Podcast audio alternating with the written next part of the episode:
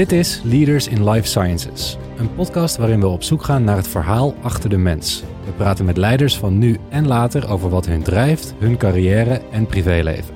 Want door naar elkaar te luisteren komen we als individu en als sector verder. We willen onze partners hartelijk bedanken voor hun steun. Dat zijn Pivot Park en Axon Lawyers. De gast een man die door sommige mensen bestempeld wordt als drammer voor de goede zaak. Nou, toen ik dat voor het eerst las, dacht ik, is dat zo? Ben ik, ben ik een drammer? Ik herken dat zelf niet zo, maar ik kan wel heel eigenwijs zijn. En deze eigenwijsheid die kwam al vroeg in zijn carrière naar voren. Aanvankelijk uh, koos ik ervoor om de HBOV te gaan doen. Ik heb VWO gedaan en ik wist één ding zeker op dat moment. Ik wil niet naar de universiteit. Mijn buurjongen was verpleegkundige. En mijn oma lag in die tijd in het ziekenhuis. En ik zag ook dus uh, wat het vak inhield. Ik dacht, nou, dat lijkt me wel wat. En dat ben ik gaan doen. Hij is directeur van de Nierstichting. En om stappen te zetten is het misschien wel goed dat er iemand aan het roer staat met deze eigenschap. De kans op sterfte aan dialyse is groter dan bijvoorbeeld uh, dikke darmkanker. Dus de impact van die behandeling is enorm. En daarom is orgaandonatie ook zo belangrijk, niertransplantatie ook zo belangrijk. Maar nog steeds een lange wachtlijst. En dat is ook de reden dat we ons hebben ingezet voor een andere donorwetgeving in Nederland. Naast zich hard te maken voor nierpatiënten en innovatie binnen de sector, houdt hij zich daarnaast ook bezig met innovatie binnen dierproeven. Want op het moment dat je met wetenschappers gaat praten over uh, je moet minder proefdieren gaan gebruiken, dan wordt het een moeilijk gesprek. Op het moment dat je met wetenschappers gaat praten over god, Nederland zou wel eens koploper kunnen gaan worden in het vervangen van proefdieren door uh, proeven met humane meetmodellen, humaan materiaal, dan is dat een wetenschappelijke uitdaging. Veel plezier met het luisteren naar deze aflevering. De gast is Tom Oostrom. Uw host is André van der Sande.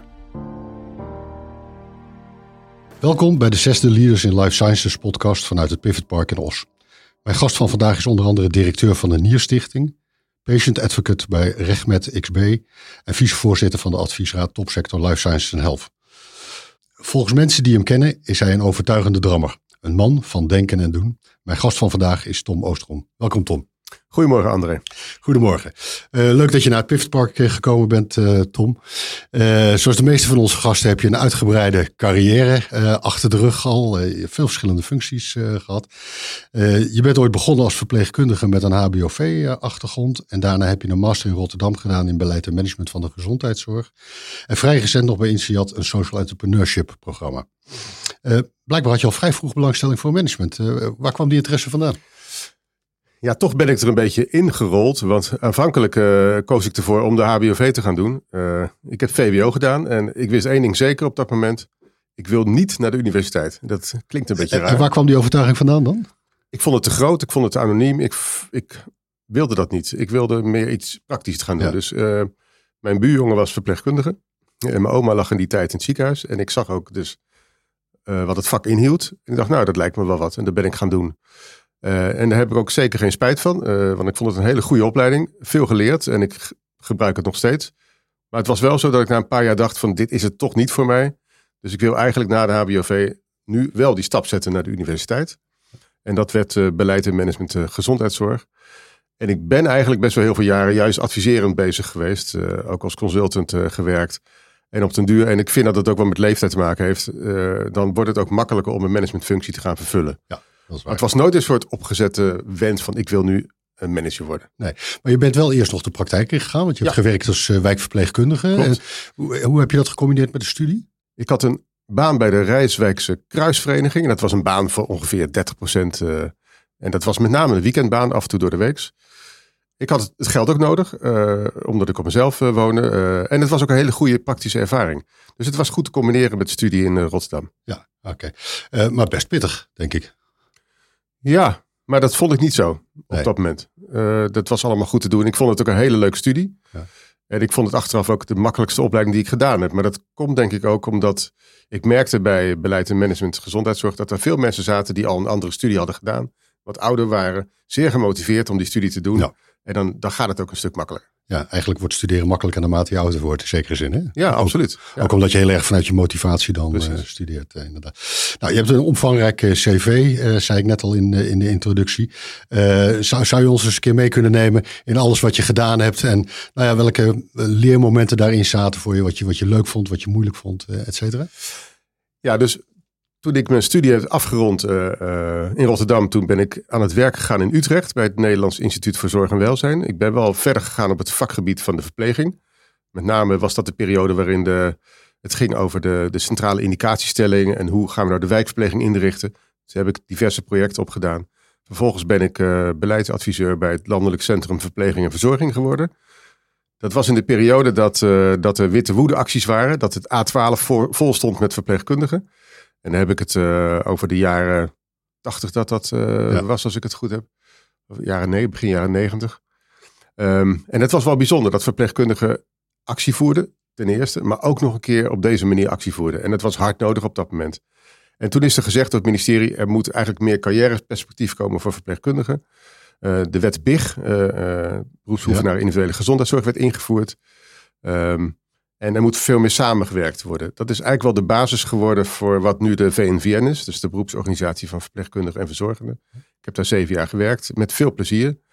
Ik heb daar ook veel geleerd, omdat je ook in een soort politiek netwerk terechtkomt met allerlei partijen. En daarna heb ik de stap gemaakt naar een uh, adviesbureau. Dus ik ben consultant uh, geworden. Uh, met name veel projecten. En, en, waarom heb je die overstap gemaakt? Want op zich was de LCVV voor jou natuurlijk een, een soort natuurlijke habitat, als het ware, gegeven jouw ja. achtergrond. Ik heb die overstap gemaakt omdat ik het zeven jaar gedaan had. En ik dacht van, ik vind het tijd voor een volgende stap. Ik deed eigenlijk steeds meer arbeidsmarktachtige trajecten, ook vanuit het LCVV. Omdat er toen een tekort aan verpleegkundigen was, wat nu ook het, het geval is. Um, en toen kwam ik in aanraking met Compliance Consult. En daar kon ik meerdere opdrachten doen ook om uh, dat tekort aan verpleegkundigen weer aan te pakken. En een van mijn eerste opdrachten was bij de Nierstichting. Dat vond ik wel bijzonder. Ja. Um, omdat in die periode uh, de directie van de Nierstichting zei van ja, wij kunnen wel geld ophalen en het geld in onderzoek stoppen. Maar als er geen handen aan het bed zijn, dan hebben we ook een probleem. Dat vond ik een hele stoere uitspraak. Ook heel mooi dat, uh, dat een fonds die verantwoordelijkheid op zich nam. Dus ik heb verschillende projecten gedaan. Ik heb analyses gemaakt van welk dialysecentrum heeft nu een tekort en hoe komt dat en welke niet.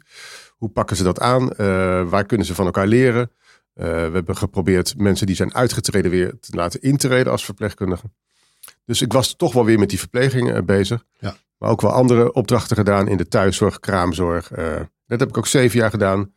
En dat was voor mij het moment dat ik dacht, ja, als adviseur, uh, soms zit je aan de verkeerde kant. dan lever je een advies af, een rapport, en dan hoop je dat er iets mee gaat gebeuren. Maar dat is niet aan mij, dat is aan de bestuurder van de organisatie. Dus ik wilde weer onderdeel worden van een organisatie met een missie. Ja, waar de uitvoering op plaatsvond. Uh, ja. ja. En ik werd op dat moment gevraagd door de Nierstichting van, goh, zou je niet bij ons aan de slag willen?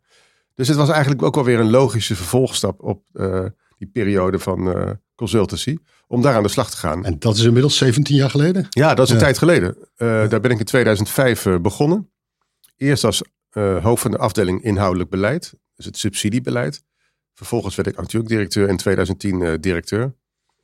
En dat, ik vind het nog steeds een fantastische baan. Echt heel bijzonder. Ik vind het ook heel fijn dat we onafhankelijk van de overheid kunnen opereren. Het is ook altijd wel hard werken. Wij zeggen ook altijd op 1 januari starten we met 0 euro. Ja. We moeten het echt zelf zien binnen te halen. En dan hopen we weer uit te komen op een bedrag van rond de 20 miljoen. Waarin we echt het patiëntenperspectief voorop kunnen stellen in datgene wat we doen. 20 miljoen is wat je jaarlijks nodig hebt, zeg maar, om je doelen te realiseren. Ja, het zou ook wel meer kunnen zijn, maar eigenlijk, je zou kunnen zeggen, het kan minder zijn op het moment dat je in staat bent om ander geld aan je te binden. Ja. Door het niet zelf op te halen, maar door anderen uh, te inspireren om ook te kiezen voor deze missie. Ja. Vertel eens over de Nierstichting zelf. Hoe, hoe, of hoeveel medewerkers hebben we er dan? Uh, ja, dat is een, eh, een fonds in 1968 opgericht. Ja, er zijn natuurlijk heel veel goede doelen in Nederland, ook heel veel gezondheidsfondsen. Het is ook typisch Nederlands. Dat merk je zodra je de grens overgaat.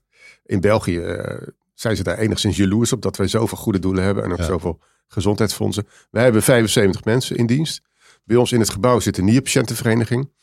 Uh, daar werken we actief mee samen. Uh, we zitten ook in maar het zijn nog wel gescheiden organisaties. Hè? Het zijn nu nog gescheiden entiteiten, maar we hebben een gezamenlijke strategie, een gezamenlijk jaarplan en komend jaar ook een gezamenlijke begroting. En we werken in gezamenlijke teams, dus die integratie gaat steeds uh, een stap verder. Omdat we allebei hetzelfde doel nastreven, namelijk impact voor de patiënt. Oké. Okay. Uh, ondertussen heb je nog wat andere functies daarnaast. Hè, want het net leven over, over de, de topsector. Maar je bent ook nauw betrokken bij RegMet XB. Wat, wat is jouw rol daar? Ja, vanaf het begin ben ik betrokken uh, daarbij geraakt. Uh, Clemens van Blitterswijk had het idee om dit te gaan doen. Uh, het mooie is wel dat deze initiatieven dus dat bedoel ik RegMed, maar ook Oncode en andere initiatieven, allemaal zijn ontstaan in de adviesraad, wat toen nog de regiegroep heette. En daarvoor ook de High Profile Group. Die ontmoeting die daar plaatsvindt tussen verschillende partijen en mensen, dat, dat, ja, dat brengt nieuwe ideeën op tafel.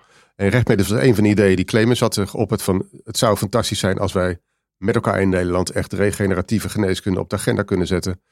Um, maar dan moeten we dat wel kunnen financieren. We hadden het als Nierstichting ook al eerder bedacht van kunnen wij niet met regeneratieve geneeskunde aan de slag? Want uiteindelijk willen we toch toe naar genezen van nierziekten. Ja. Veel te complex, veel te duur voor de Nierstichting alleen. Dus Clemens contacte mij destijds en die zei Tom, ik heb nu een idee en wat vind je ervan? Uh, het idee was, als we nou eens kunnen kijken of we verschillende partijen aan elkaar kunnen verbinden. Kennisinstellingen, provincies, met name die provincies die door de verkoop van de energiecentrales uh, budget beschikbaar hebben om te investeren in innovatie. Uh, bedrijven en gezondheidsfondsen kijken of we op die manier bij elkaar kunnen komen. En dat was de start van RegMed. En dat heeft echt een vliegende start gekend. Waarin er een aantal moonshots is geformuleerd. En dat vond ik ook heel bijzonder en nog steeds ja, heel mooi. Vertel eens over die moonshots inderdaad. Ja, dat is natuurlijk heel anders dan de, de reguliere wetenschap. Het is niet zo dat je een hypothese hebt en zegt ik ga het onderzoeken en kijken waar ik op uitkom. Nee, de moonshots zijn geformuleerd. Wij willen deze oplossingen voor patiënten realiseren. En als we dat willen realiseren, wat moeten we dan, als we stappen terug gaan zetten, wat moeten we dan gaan doen om daar uit te komen? En dat maakt ook dat het niet een wetenschappelijk consortium is, maar eigenlijk een consortium waarin alle fasen van wetenschap tot en met bedrijf, infrastructuur en markt zitten. En dat vind en vond ik ontzettend interessant uh, dat het zo is opgezet. Ja. ja en, en, jouw rol heet patient advocate. Dus ik neem aan dat jij met name vanuit die patiënt meekijkt, meedenkt. Ja, precies. Omdat dat zo'n belangrijk element binnen RegMed is, um, vervul ik die rol binnen, binnen het managementteam van uh, RegMed. Dat doe ik ongeveer een halve dag in de week. Ik ben daarvoor ook voorzitter van de Raad van Toezicht geweest. Maar er was een moment dat we zeiden, ja, de Raad van Toezicht bestond toen uit uh, de decanen van de universiteiten en ik namens de gezondheidsfondsen. We hebben gezegd, er moet nu een onafhankelijke Raad van Toezicht komen. Dat past in de ontwikkelingsfase van RegMed. Die is er ook gekomen onder leiding van Louise Gunning. Maar ik bleef wel betrokken bij RegMed. En toen is mij gevraagd van zou je nog een rol willen blijven vervullen. Dus dat doe ik eigenlijk vanuit de Nierstichting binnen RegMed. En dat vind ik mooi om te doen. Ja, oké. En we hebben dus meerdere moonshots. Hè? Niet alleen nieren, maar ook op het gebied van hart, hart reuma ja, en diabetes. Ja, ja. heel mooi. Nou, is op zich een goed onderwerp misschien om nog eens iemand anders voor, voor uit te nodigen voor uh, RegMed. Zeker.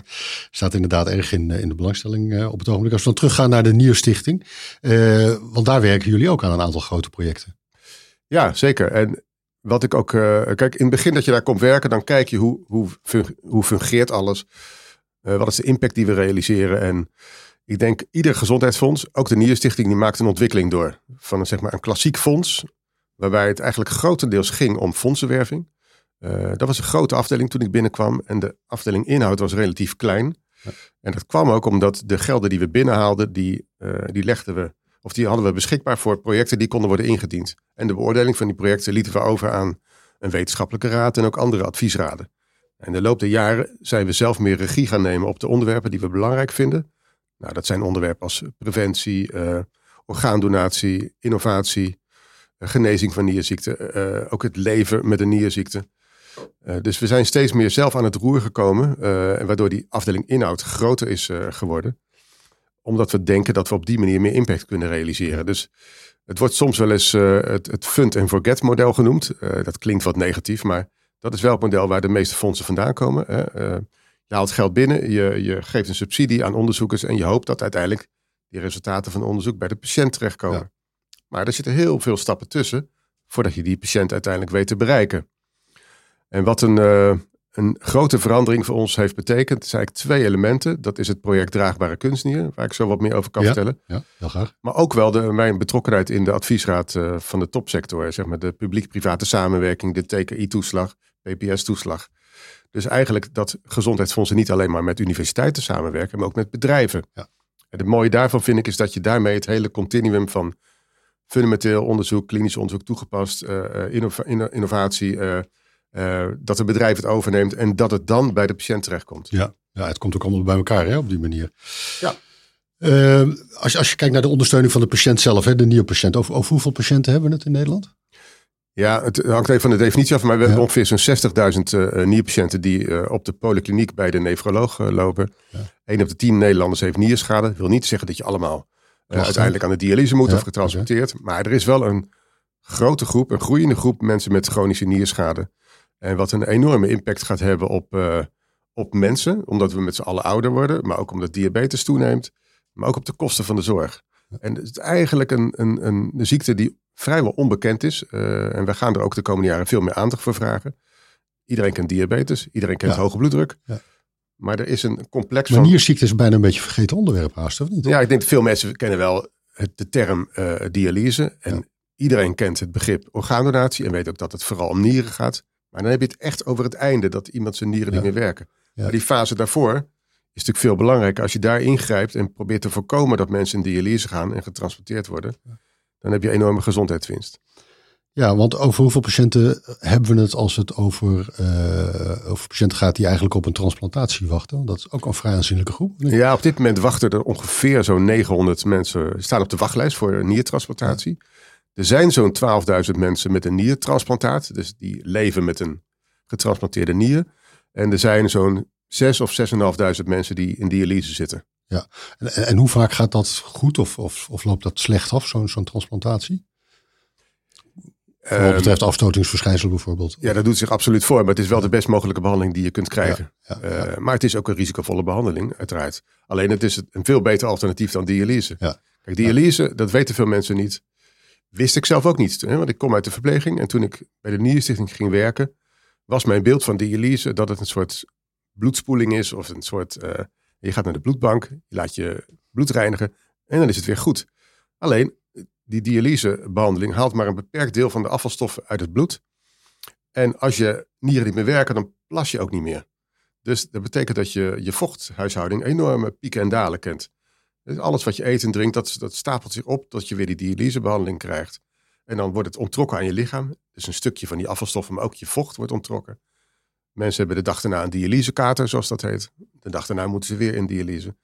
De kans op sterfte aan dialyse is groter dan bijvoorbeeld uh, dikke darmkanker. Jeetje. Dus de impact van die behandeling is enorm. Ja. En daarom is orgaandonatie ook zo belangrijk, niertransplantatie ook zo belangrijk. Maar nog steeds een lange wachtlijst. En dat is ook de reden dat we ons hebben ingezet voor een andere donorwetgeving in Nederland. Ja, want we zijn van een uh, opt-in naar een opt-out uh, regeling gegaan. Ja. Vertel daar eens wat meer over. Ja, dat is een lobby van 20 jaar geweest. Uh, de meeste Europese landen hebben die stap al langer gezet. Hè? De opt-out wil ja, zeggen. Dat, dat verbaast me inderdaad. Nederland was eigenlijk een van de weinige landen waar we, waar we dit systeem nog niet hadden. Ja, en dat heeft, het heeft heel lang geduurd om de Tweede en de Eerste Kamer te overtuigen. Is ook nog steeds net maar gelukt. Maar dat geldt in principe voor alle ethische kwesties. Dat is altijd bijna 50-50 in de, in de politiek. Uh, we weten gewoon op basis van ervaring in het buitenland dat een systeem waarin je eigenlijk allemaal geregistreerd wordt en zelf moet aangeven als je geen donor wil, wil zijn, dat het veel meer uh, donoren oplevert en dus veel meer transplantaties oplevert. Ja, gaat dit het probleem voor jullie oplossen of niet? Nou, ik denk niet dat het, het hele probleem gaat nee. oplossen. Ik, nee. ik, wij verwachten wel dat de wachtlijst daardoor uiteindelijk gaat afnemen. Alleen door de afgelopen twee COVID-jaren kunnen we nog geen effect uh, zien. Nee. We zien wel, de laatste cijfers die we nu zien, is dat het in dit jaar beter gaat dan afgelopen jaar. Ja, okay. in, in het verleden ondersteunden jullie patiënten ook uh, financieel. En tegenwoordig doen jullie dat eigenlijk meer vanuit hulpverlening. Hoe, hoe werkt dat? Ja, vroeger was het zo dat, dat men een beroep kon doen op de Nierstichting uh, als men in zeg maar, een armoedeval uh, terechtkwam. Dat doen we nog steeds, maar dan alleen maar in die gevallen waarin wij een soort vangnet zijn. Wat we eigenlijk wil, vooral willen, en dat doen we samen met de Nierpatiëntenvereniging, is dat mensen een beroep doen op de voorliggende voorzieningen. Dus doe een beroep op je gemeente. Kijk wat daar mogelijkheden zijn. En als het je niet lukt, dan helpen we je erbij om die hulp te krijgen. Als je dat niet lukt, ja, dan kun je altijd nog een beroep op ons doen. Um, maar dat is wel belangrijk, dat je eerst kijkt van wat is er aan voorzieningen uh, beschikbaar. Um, en dan pas kan onze additionele rol een, uh, uh, belangrijk zijn. Ja. Die twee begrippen, impact en additionaliteit, zijn voor ons cruciaal. We willen die dingen doen die impact hebben, maar ook alleen maar die dingen doen die, als wij ze niet doen, niet zouden gebeuren. Ja. Ja. Dus omgedraaid, als er voorzieningen zijn die er wel zijn voor patiënten, dan moeten we daar echt eerst een beroep op doen. Ja, oké. Okay. Maak even een klein overstapje naar, naar je privé-situatie. Kunnen we zo nog even doorpraten over andere projecten van de Nierstichting. Um, als ik goed geïnformeerd ben, ben je 64 uh, geboren in, in, in Delft. Wat voor een omgeving was dat? Ja, leuke omgeving. Mooie stad. Uh, in een katholieke wijk. Dus katholieke school, katholieke sportvereniging. Alles was katholiek in die tijd. En het was een hele goede tijd. Het was een, een wijk. wij woonden in een portieke woning. Wat het niet heel erg breed. Ehm, mijn ouders, mijn vader werkte. Mijn moeder die zorgde voor de kinderen. ik denk achteraf had mijn vader wel heel graag willen studeren. Maar die moest toen hij 18 was naar Duitsland voor de arbeidseinsatz. Oh ja. Dus de dwangarbeid, dat heeft wel heel erg zijn carrière bepaald. Niet zijn leven in die zin. Hij heeft nooit een hekel aan Duitsers gehad. Dat vind ik altijd wel uh, heel bijzonder en mooi. En ik ben onlangs met mijn broers ben ik langs geweest in waar hij een paar jaar heeft gezeten. Waar hij gewerkt heeft. In bijzonder. Ja, dat was in Loekenwalde onder Berlijn. Um, en dat is dan toch wel bijzonder om dat een keer te zien. Maar dat moet je je voorstellen. Je bent 18 jaar en je wordt op de trein gezet. En je moet gewoon daar gaan werken. Ja, ja daar kunnen we ons tegenwoordig niets meer bij voorstellen. Nee, het heeft wel twee kanten. Want het is, het is een enorme inbreuk op je leven. Uh, want alle plannen die je hebt, die kunnen niet doorgaan. Maar het is ook wel weer spannend. Want hij was jong en dan ontmoette daar allerlei uh, andere jonge mensen uit Frankrijk, Tsjechië, uh, allerlei landen. Heeft er ook wel vrienden aan overgehouden. Dus het was in zekere zin ook wel weer een leuke tijd. Ja. Maar die balans... nou, maar niet onder die omstandigheden. We hebben dat nooit echt gevraagd. Van wat heeft het nou precies voor je betekend? Ja, ja, ja. Um, uh, kwamen jouw ouders ook uit de zorg? Hadden ze een... Nee, nee ik kom niet uit een zorggezin. Nee, nee, nee, nee, mijn vader werkte bij de NKF, de kabelfabriek, onderdeel van Philips. Philips, ja. Uh, mijn moeder werkte vroeger in Den Haag, uh, in een naaiatelier. Ze had wel echt managementcapaciteiten volgens mij.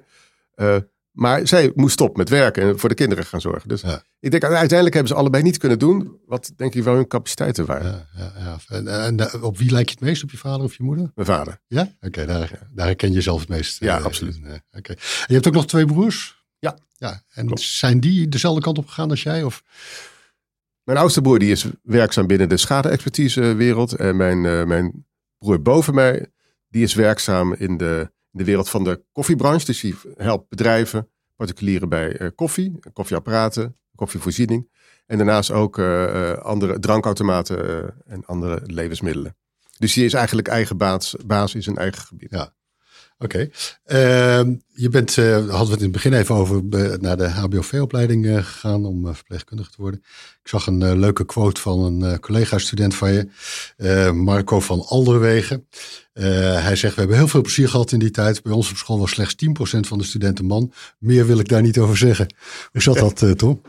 Ja, ja, dat is natuurlijk een opmerking van Marco. Ja. het was een hele leuke tijd en dat klopt inderdaad. Dus ik realiseer me ook steeds meer dat ik echt in een vrouwenwereld ben op, uh, opgeleid. Uh, en dus ik, voor mij is dat heel normaal. En als ik dan in de adviesraad van de topsector kijk, ik zit eigenlijk nu groot deels in een mannenwereld. Ja. Uh, dat is wel bijzonder. Het heeft, het heeft me denk ik wel gevormd. Die verpleging is natuurlijk echt een vrouwenwereld waar weinig mannen rondlopen. Maar wel heel goed geweest, denk ik, om dat meegemaakt te hebben. Ja. En je bent later Marco ook weer tegengekomen. Jullie hebben samen wat initiatief ontplooid? Ja, zeker. Dus we hebben samen de HBOV gedaan. Samen beleid en management gezondheidszorg in Rotterdam. Dus wij zien elkaar veel, we zijn goede vrienden en we zaten enig moment met elkaar te lunchen. Hij is inmiddels directeur van een aantal verpleeg- en verzorgingshuizen, maar ook van een uh, vermogensfonds. Ik directeur van een gezondheidsfonds. en we zeiden tegen elkaar, dat is eigenlijk raar dat er zo weinig samenwerking is tussen vermogensfonds en gezondheidsfonds. Zouden we dat niet kunnen neerzetten? En toen hebben we een bijeenkomst georganiseerd voor een aantal gezondheid- en vermogensfondsen. Uh, en aan alle deelnemers gevraagd van probeer nou eens de kern van de behoeften van jouw doelgroep uh, te benoemen. Wat zit nou echt jouw doelgroep het meeste dwars? Of wat is nou datgene waar je een oplossing voor moet ja. zoeken? Nou, die sessie leverde het woord zelfstandigheid op. Autonomie. En dat geldt voor nierpatiënten. Ik denk uiteindelijk de nierziekte heeft de meeste impact op ja, zelfstandig kunnen leven, autonoom kunnen zijn. Maar dat geldt ook voor mensen met reuma. Dat geldt ook met mensen of een, een gehandicapt kind. Geldt voor meerdere doelgroepen. Toen zeiden we, oké, dat is dan het centrale begrip waar we iets met elkaar op zouden kunnen doen. Um, en we hadden het idee om met elkaar een investeringsfonds op te zetten, waar alle fondsen geld in zouden leggen. Uh, en waarmee we dan kleine bedrijven zouden kunnen uh, financieren die innovaties bedenken om mensen langer zelfstandig thuis te houden. Op dat moment was er een tender bij economische zaken. Dat was een combi van EZK en VWS. En dat liep via RVO. Dan kon je dus je investeringsplan indienen. En als het werd goedgekeurd, dan werd er gematcht vanuit RVO. Dus we hebben dat ingediend. voor zijn commissie moesten we verdedigen wat we gingen doen. Ze vonden het heel bijzonder dat het initiatief nu een keer kwam vanuit fondsen. Dat hadden ze niet eerder meegemaakt. de eerste keer werd het, het werd niet afgewezen, maar ook niet goedgekeurd. Er werd gezegd, maak het wat groter. Probeer nog wat meer partijen erbij te halen. Toen is KWF Kankerbestrijding erbij gekomen, ja. Maagleven. Nog een paar vermogensfondsen. Opnieuw ingediend. Uh, we hebben ook de steun gekregen vanuit zorgverzekeraars. Uh, ook een aantal zorgaanbieders. We hebben ook gezegd van wij willen niet op de klassieke manier investeren, maar we willen de zorgdriehoek erbij halen. Dus de, de zorgvrager, zorgaanbieder, zorgverzekeraar. Toen is het goedgekeurd. En dat betekent dat RVO het bedrag wat wij beschikbaar hadden om te investeren, matchen. En uiteindelijk leverde dat een eh, investeringsfonds op van 9 miljoen euro. Waar we nu mee werken en waar we nu mee investeren. Ja, prachtige uitkomst. Ja, en het is ook een mooie manier van en impact realiseren.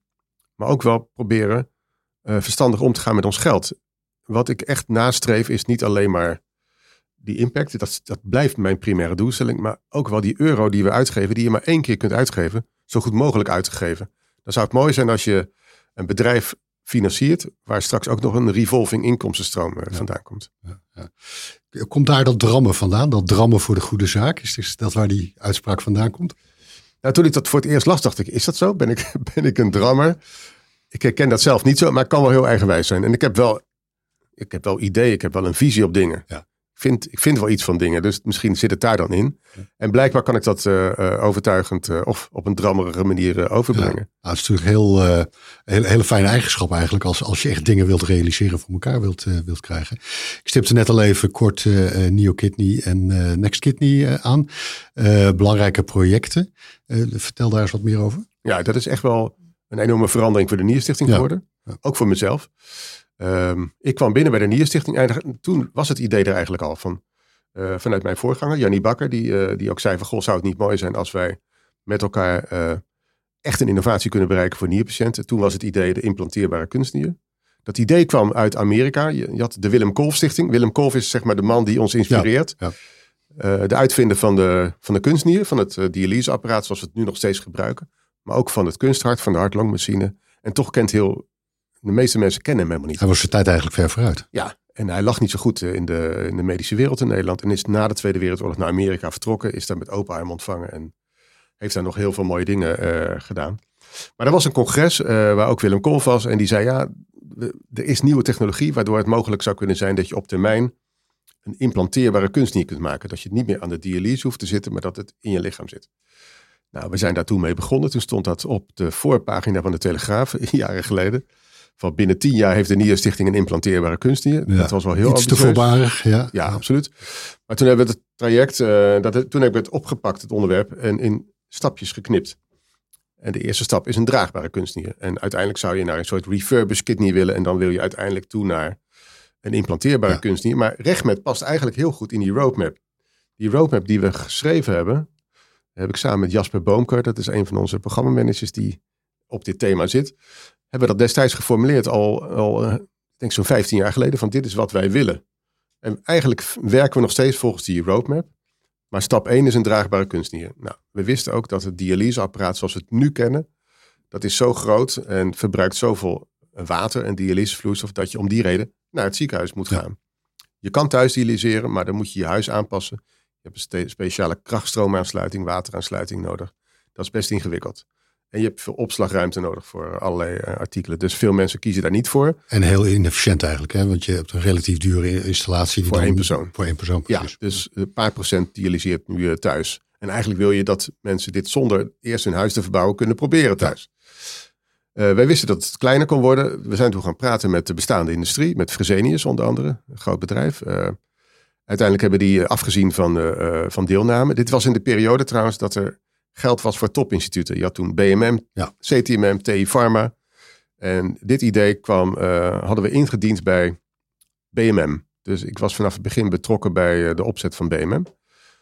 En daar hadden we twee projecten ingediend. De biologische kunstnier en de draagbare kunstnier. Nou, de, de biokit, de biologische kunstnier, werd goedgekeurd. Maar de draagbare kunstnier werd niet goedgekeurd. En er stond wel een consortium klaar. Onder leiding van Jeroen Kooman uit Maastricht. Um, en toen zeiden we als Nierstichting, ja, dit, dit moet gewoon lukken. Dit is eigenlijk stap één. En minder complex dan een biologische kunstnier. Dus waarom is het een goedgekeurd en het ander afgekeurd? Dat snapten wij niet goed. Toen hebben we zelf besluit genomen, we gaan het gewoon zelf doen. Ehm, ik heb toen met Benno van Dongen van Roland Berger heb ik, hebben een businessplan gemaakt van als we het nou zelf gaan doen, hoe ziet dat er dan uit? Als we dit zelf gaan neerzetten. Ehm, en dat is de aanleiding geweest voor het opzetten van een nieuwe stichting naast de Nierstichting. De Neo Kidney Foundation. Ehm, en een bedrijf, Neo Kidney. En we zijn op zoek gegaan uh, op basis van een uitgebreide omschrijving door TNO. Die heeft de draagbare kunst helemaal in specificaties uh, uitgeschreven. Op zoek gaan naar partijen die ons konden helpen om dat apparaat te maken. Weer voorzien van het businessmodel wat we geschreven hadden. En toen vonden we twee partijen in Singapore en Zwitserland. Uh, en in 2014 hebben we met hen een samenwerkingsovereenkomst gesloten. En inmiddels zijn de activiteiten zover dat we alle onderdelen van het project hebben ondergebracht in het bedrijf NextKidney. Dat is een Nederlandse BV en ook een Zwitserse SA. De meeste mensen zitten nog steeds in Lausanne in Zwitserland. Ja. Uh, het bedrijf in Singapore, uh, uh, is ook onderdeel geworden van NextKidney. En nu zijn we dus bezig om NextKidney zo snel mogelijk naar de markt te brengen, naar de patiënt te brengen. we hebben de eerste testen met patiënten gehad. De veiligheidstesten voor de Sorbent-technologie. Dat is het mhm. meest vernieuwende element van de draagbare kunstnier. Dat betekent dat je niet meer 100 liter vloeistof nodig hebt voor één behandeling, maar dat je dialysevloeistof tijdens de behandeling reinigt door middel van de zogenaamde sorbent. Dan heb je maar 5 liter nodig. En dan kun je, uh, dus dan kan het apparaat veel kleiner worden. Je hebt minder vloeistof nodig. En dat maakt het ook dat je veel makkelijker thuis kunt dialyseren. Of onderweg. Want het apparaat weegt niet meer dan 10 kilo, zag ik. Ja, dus we hebben gezegd, het moet in een, uh, in een koffer passen voor het vliegtuig. Ja. Uh, je moet het makkelijk thuis op je nachtkastje kunnen neerzetten. En we zijn nu bezig met de voorbereidingen van de, nog een aantal veiligheidstesten in Singapore. In het najaar starten we met de eerste klinische testen met het hele apparaat in Kaan in Frankrijk. Volgend jaar in Nederland. Um, en CE-goedkeuring hopelijk in 2024. Uh. Eh. En wanneer kom je op de markt hiermee? Wat zeg je? Wanneer kom je op de markt hiermee? Ja, dan moeten we dus een strategische partij vinden die het gaat overnemen. Ja, um, We hebben wel contact met verschillende partijen. Uh, wat ik wel geleerd heb in het traject, want het duurt langer dan wij hadden voorzien aanvankelijk. Uh, terwijl al die planningen steeds wel heel zorgvuldig waren uh, omschreven. Maar je loopt altijd wel weer tegen eh, momenten aan dat een test opnieuw moet worden gedaan. Nou, COVID, ja. laboratoria gaan dicht. nu, alle laboratoria zijn open, maar grondstoffen, probleem. Ja. Tekort aan grondstoffen. Dus we halen alle chips en alle onderdelen vandaan. Dus iedere keer kom je nieuwe uitdagingen tegen. En dat is volgens mij ook niet anders dan anders dat was echt uh, ondernemen. Dus het interessante is wel, ik ben directeur van een fonds geworden. En daarnaast ben ik ook eigenlijk aan het ondernemen binnen dit bedrijf. Met hele goede mensen om ons heen. Goede mensen in het bestuur van Neo Kidney. Ook hele goede mensen binnen het bedrijf Next Kidney. Uh, waarmee we het met elkaar uh, echt voor elkaar gaan krijgen. Ja, het moet natuurlijk geweldig zijn dat je vanuit zo'n nierstichting dit soort stappen kunt gaan, gaan, gaan, maken voor patiënten. Want dit is natuurlijk toch een enorme stap vooruit als dit. ja, en ik vind het eigenlijk wel een heel logische aanpak. Ik krijg wel eens vragen vanuit andere fondsen. Goh, uh, interessant project. Hadden wij ook maar eh, zo'n project. Um, en dan geef ik altijd als antwoord. Ik zeg, maar je moet echt, probeer nou eens heel goed te bedenken wat de behoefte van jouw doelgroep is. Uh, en, en probeer ook te kijken daar waar je impact kunt realiseren, maar ook daar waar je nodig bent, omdat anderen het niet doen. Ja, eigenlijk zijn we, wij proberen disruptief te zijn in een markt waar het eigenlijk heel goed gaat. De ja, dat klinkt heel raar, maar de dialysemarkt is een hele grote markt. Er gaat hmm. heel veel geld in rond, maar ook een hele dure behandeling. En dat betekent dat er wereldwijd uh, nou, meer dan de helft van de mensen die dialyse nodig hebben, het niet krijgen, omdat het gewoon te duur is. En wij willen een innovatie neerzetten die en meer mensen weet te bereiken, maar die ook in Nederland en andere westerse landen toegepast kan worden. Maar dat betekent wel dat het bestaande businessmodel van de industrie echt omver wordt geworpen. Ja, absoluut. Of dat er daarnaast in ieder geval een alternatief komt, laat ik ja, het zo zeggen. Ja, want dan hebben we het inderdaad ook over betaalbaarheid. Uh, zijn zorgverzekeraars aan boord bijvoorbeeld? Ja, dit was voor ons de reden om eigenlijk al heel vroeg in het project uh, contact op te nemen met de zorgverzekeraars. Dat is begonnen met subsidies vanuit uh, Zilveren Kruis Achmea. Daar hebben heel erg veel aan gehad. En vervolgens zijn CZ en mensen ook aangesloten en ook zeer actief betrokken. Joep de Groot is een tijd lang ook bestuurslid van Neo Kidney geweest. tot nu toe zit er ongeveer zo'n 10 miljoen euro vanuit verzekeraars in het project. Eenzelfde bedrag ook vanuit de Nierstichting. Um, en natuurlijk nog heel veel geld vanuit de andere partijen die in het project actief zijn. Maar behalve dat zij investeren in het project, financieel gezien, helpen ze ons ook bij hoe wordt het straks toegelaten tot het zorgsysteem in Nederland, het zorgverzekeringspakket. Hoe zet je ook het zorgconcept eromheen neer? Hoe ga je het organiseren? Want een innovatie alleen maar realiseren en dan aanbieden aan de zorg, dat is heel ingewikkeld. Niet alleen in Nederland, in heel veel landen. Dat is veel te veel technology push. Dus onze stelling is, je moet veel meer vanuit market pool denken of patient pool of Patient technology pool, pool. ja, Nou, precies. Ja. probeer nou te bedenken wat je moet doen om in het zorgsysteem terecht te komen. Nou, dat betekent dat je die driehoek die ik eerder genoemd heb, Ja. de patiënt, de aanbieder en de zorgverzekeraar mee moet nemen. Want zij kunnen een innovatie maken of breken. Ja, maar het betekent ook dat als je straks een partner gevonden hebt die dit in de markt gaat zetten, dat je dus ook nog eisen hebt eh, ten aanzien van de betaalbaarheid. De afspraak met verzekeraars is dat de kosten van dit apparaat nooit hoger mogen worden dan de huidige dialysebehandeling. Nu is dat niet zo ingewikkeld, want dialyse is Is duur. heel duur. Ja. Eh, dat de Nederlandse patiënt als eerste hiervan profiteert. Maar dat is voor de dierstichting natuurlijk ook een heel belangrijke eis. Maar ook dat het niet geshelft ge- kan gaan worden. Wij willen voorkomen dat het door een andere partij wordt overgenomen, wordt gekocht en op de plank wordt gelegd. Ja, precies.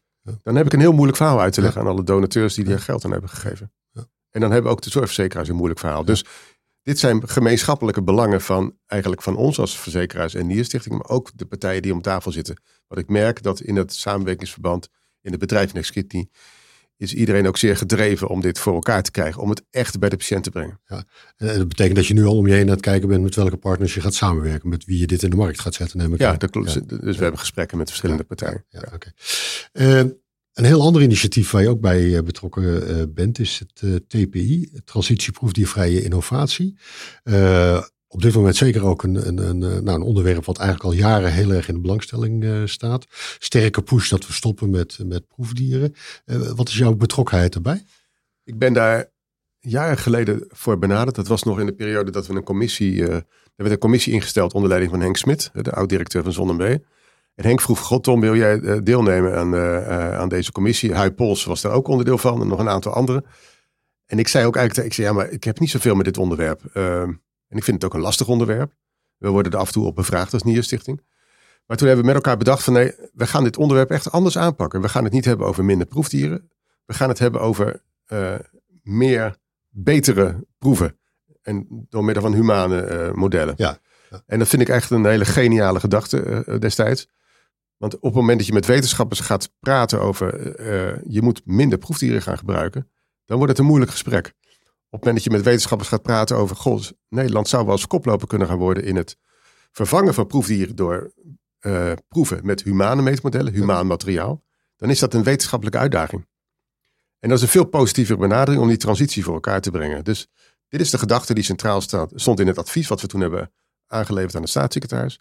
Vanuit die commissie onder leiding van Henk Smit. En dit is ook de kerngedachte van eh, het TPI, eh, eh, ehm, de TPI-structuur. Ja.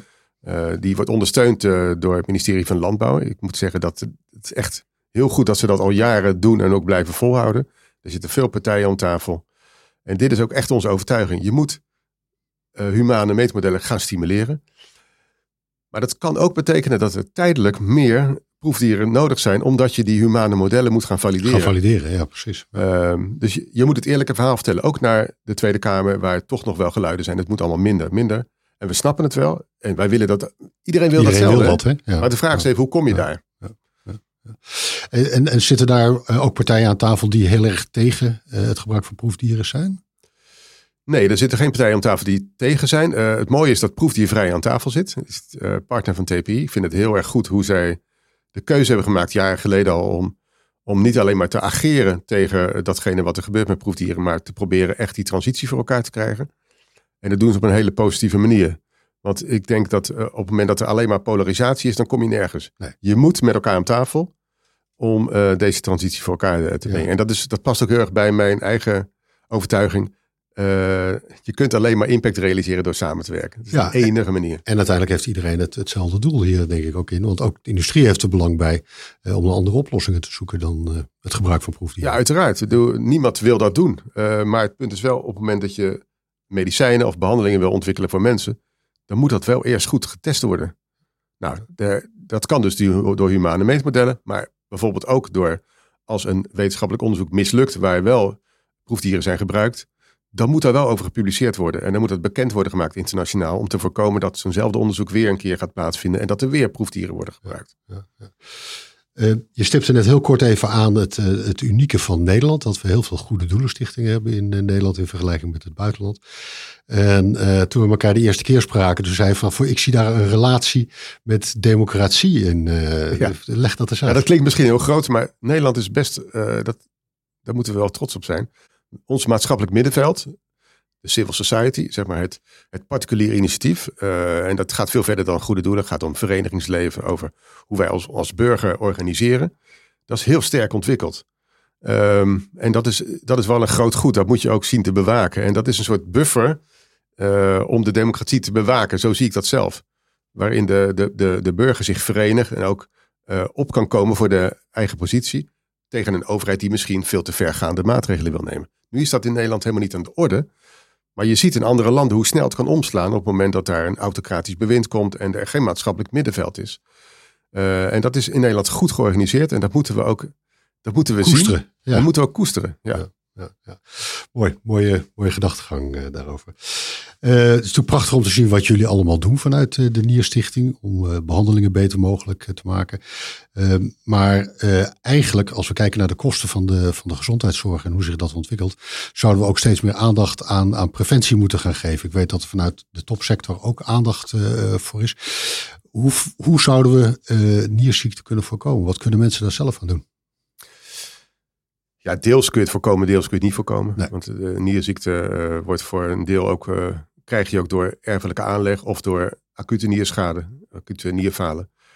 Maar deels kun je het wel voorkomen en dat heeft te maken met leefstijl. dus het is heel erg belangrijk dat we met elkaar zorgen voor gezond eten, minder zout, minder vet, minder suiker, beweging. omdat dat uiteindelijk hoge bloeddruk, diabetes kan voorkomen, hartfalen zou kunnen voorkomen en daarmee ook nierziekte. Er is een interactie tussen die verschillende ziekten. Ja, en wat ik eerder aangaf, chronische nierschade is echt een heel groot probleem aan het worden. Dat kun je echt deels voorkomen door in te zetten op goede preventie. En dat ligt deels bij de burger. Dus we kunnen zelf beter opletten wat we eten. Geen pakjes en zakjes, maar uh, ga zelf koken. Maar het is wel zo dat de, goedkope keuze, of de, de gezonde keuze niet altijd de goedkope keuze is. Eigenlijk zelfs de dure keuze. Nou, die discussie loopt nu over het btw-gehalte op groente en fruit om dat omlaag te brengen. Dat is nu eindelijk besloten om dat uh, te doen. Um, maar ik verwacht daar van de overheid een veel meer actieve rol in. We hebben een preventieakkoord in Nederland. Het is uh, fantastisch dat dat er is. Um, en tegelijkertijd zien we toch dat de maatregelen die daarin zijn beschreven, maar deels worden gerealiseerd. En dat heeft ermee te maken dat Nederland is een land, en dat is op zich, ik ben daar voorstander van, maar die heel erg probeert in te zetten op zelfregulering. Laat het aan de partijen over om te kijken of het lukt. Maar daar is een grens aan. Op den duur zeggen die partijen ook van ja, als er geen marktmeester optreedt, dan gaan wij het niet veranderen. Ja. En ik vind een mooi voorbeeld. Ik heb ooit een keer met Unilever gesproken over kuppensoep. Nou, daar zit best veel zout in. Uh, en zij zijn aan de gang gegaan met alternatieven bedenken voor een kuppensoep met minder zout. En daar stond dan op verbeterd recept of een verbeterde smaak. Uh, de concurrenten deden dat niet. En wat ze zagen is dat iedere keer de omzet weer begon te dalen. En op den duur zijn ze ermee gestopt. En hebben ze gezegd, ja, weet je, als, als er geen gelijk speelveld is, dan gaan wij gewoon door. Dus we hebben nu weer de oude cupsoep uh, daardoor. Ja, en dus dat betekent dus ook dat de industrie af en toe gewoon vraagt om helderheid vanuit de overheid. Van neem dan zelf stappen. Ja. Dus ik, ik vind, laat het eerst over aan het veld. Kijken of je zelf komen met verlaging van bepaalde gehaltes van suiker en, en zout uh, en vetten. Maar als het niet gebeurt, zeg dan op die datum, dan gaan we als dan overheid... heb je de sturende overheid nodig. Uh, ja, dat is gebeurd met, met, met zout in brood. Ja. Heeft niemand gemerkt. Heeft niemand gemerkt, hè? Nee. In hele kleine stapjes is dat jaren geleden verlaagd. Maar dat kun je ook op andere vlakken doen. En ik vind dat de overheid daarin niet de rol pakt die het eigenlijk wel grondwettelijk moet pakken. Ik bedoel, in de grondwet staat gewoon in artikel 22 dat de overheid de rol heeft om de gezondheid te beschermen. In het Europees Handvest staat het in artikel 35. Je moet goede preventieve zorg bieden.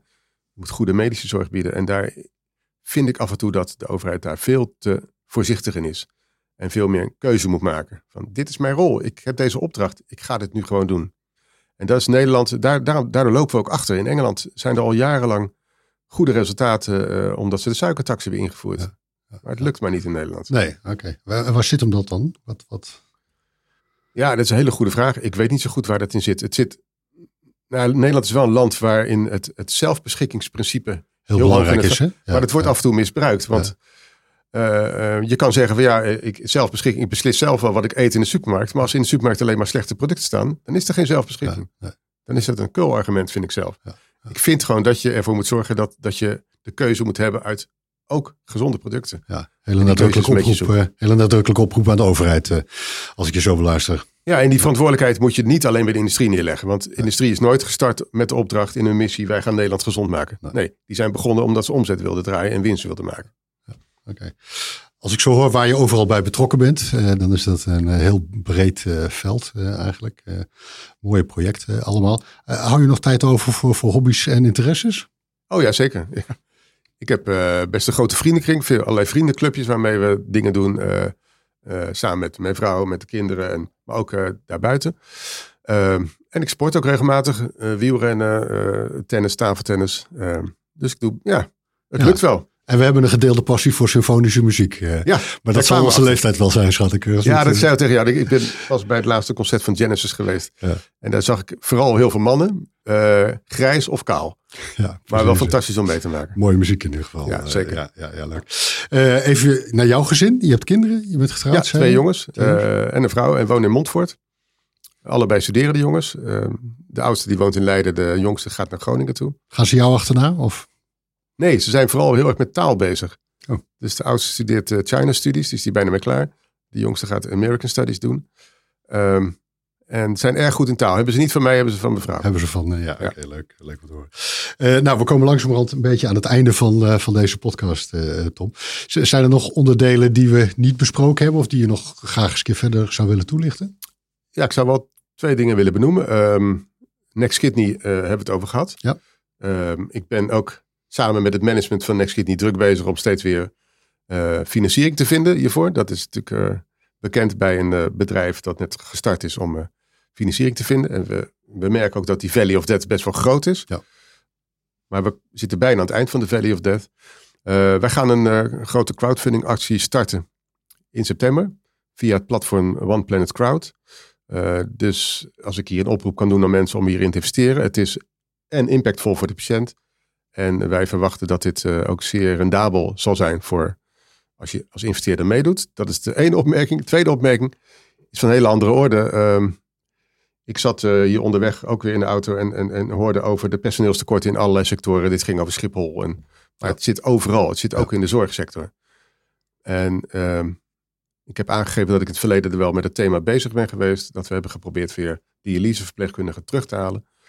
Ik denk dat we nu, uh, dit probleem is nu een graadje erger dan jaren geleden. Ja, absoluut. Ik denk dat we dit probleem niet meer zo makkelijk gaan oplossen omdat we zoveel mensen in de zorg nodig hebben om zorg te kunnen bieden in de toekomst. Nou, dat kun je deels oplossen door technologie. Daar zijn we ook mee bezig vanuit de topsector en dat is hartstikke goed. Wij als Nierstichting doen dat ook. Maar er ligt nog een andere oplossing uh, voorhanden die nog steeds onvoldoende wordt opgepakt. En dat is de enorme administratieve last in de zorg. Uh, de tijd die professionals kwijt zijn aan administratie, aan verantwoording. Uh, het systeem waarmee ze te maken hebben is toch wel een systeem van verantwoording en wantrouwen. Ja. Zo durf ik het wel te noemen. En daar ligt dus echt een veel eenvoudige oplossing op het moment dat het je lukt om de tijd die professionals besteden aan dit soort administratie te verminderen. Professionals heel goed op te leiden, zodat je vertrouwen hebt in de manier waarop ze handelen. Dan hebben ze ook meer tijd beschikbaar voor de patiënt. Uh, en ik denk, ik weet dat dit een aandachtspunt is al, wat al veel langer op de agenda staat. Maar er gebeurt toch te weinig mee. En dit is echt een oplossing die veel dichter bij, uh, voorhanden ligt. Die echt capaciteit kan opleveren. En wervingscampagnes, dat gaat het niet meer worden. Ja, het is eigenlijk een trend die we door heel Nederland eh, zien. Hè. We zien het ook in het onderwijs, eh, we zien het ook bij de politie bijvoorbeeld. De administratie van, van je primaire werkzaamheden neemt eigenlijk steeds grotere plaats eh, in. Ja, en het creëert ook een schijnveiligheid. Alsof je daarmee alles kunt dichtregelen en ervoor kunt zorgen dat de kwaliteit wordt geleverd. Dat is niet zo. Oké, okay, uh, nou Tom, bedankt voor je aanwezigheid. Het uh, was leuk om je hier als uh, gast te hebben. fijn dat je er was. en ik kan je natuurlijk alleen maar ontzettend veel succes wensen met alle projecten waar je mee bezig bent. En ik denk dat we allemaal met belangstelling uitkijken naar wanneer de eerste draagbare kunst hier op de markt gaat komen. Heel veel succes gewenst daarmee. Dank voor de uitnodiging. Graag gedaan. Dit was Leaders in Life Sciences. Dankjewel voor het luisteren. Vond je iets van deze aflevering? Wij ontvangen graag jouw feedback. Wat houdt bijvoorbeeld jou bezig en over wie wil je meer horen? Laat het weten via een Apple of een Google review. Of stuur een berichtje via social media of natuurlijk gewoon per mail. Onze waardering is groot. Tot slot nog dank aan onze partners, dat zijn Pivot Park en Axon Lawyers.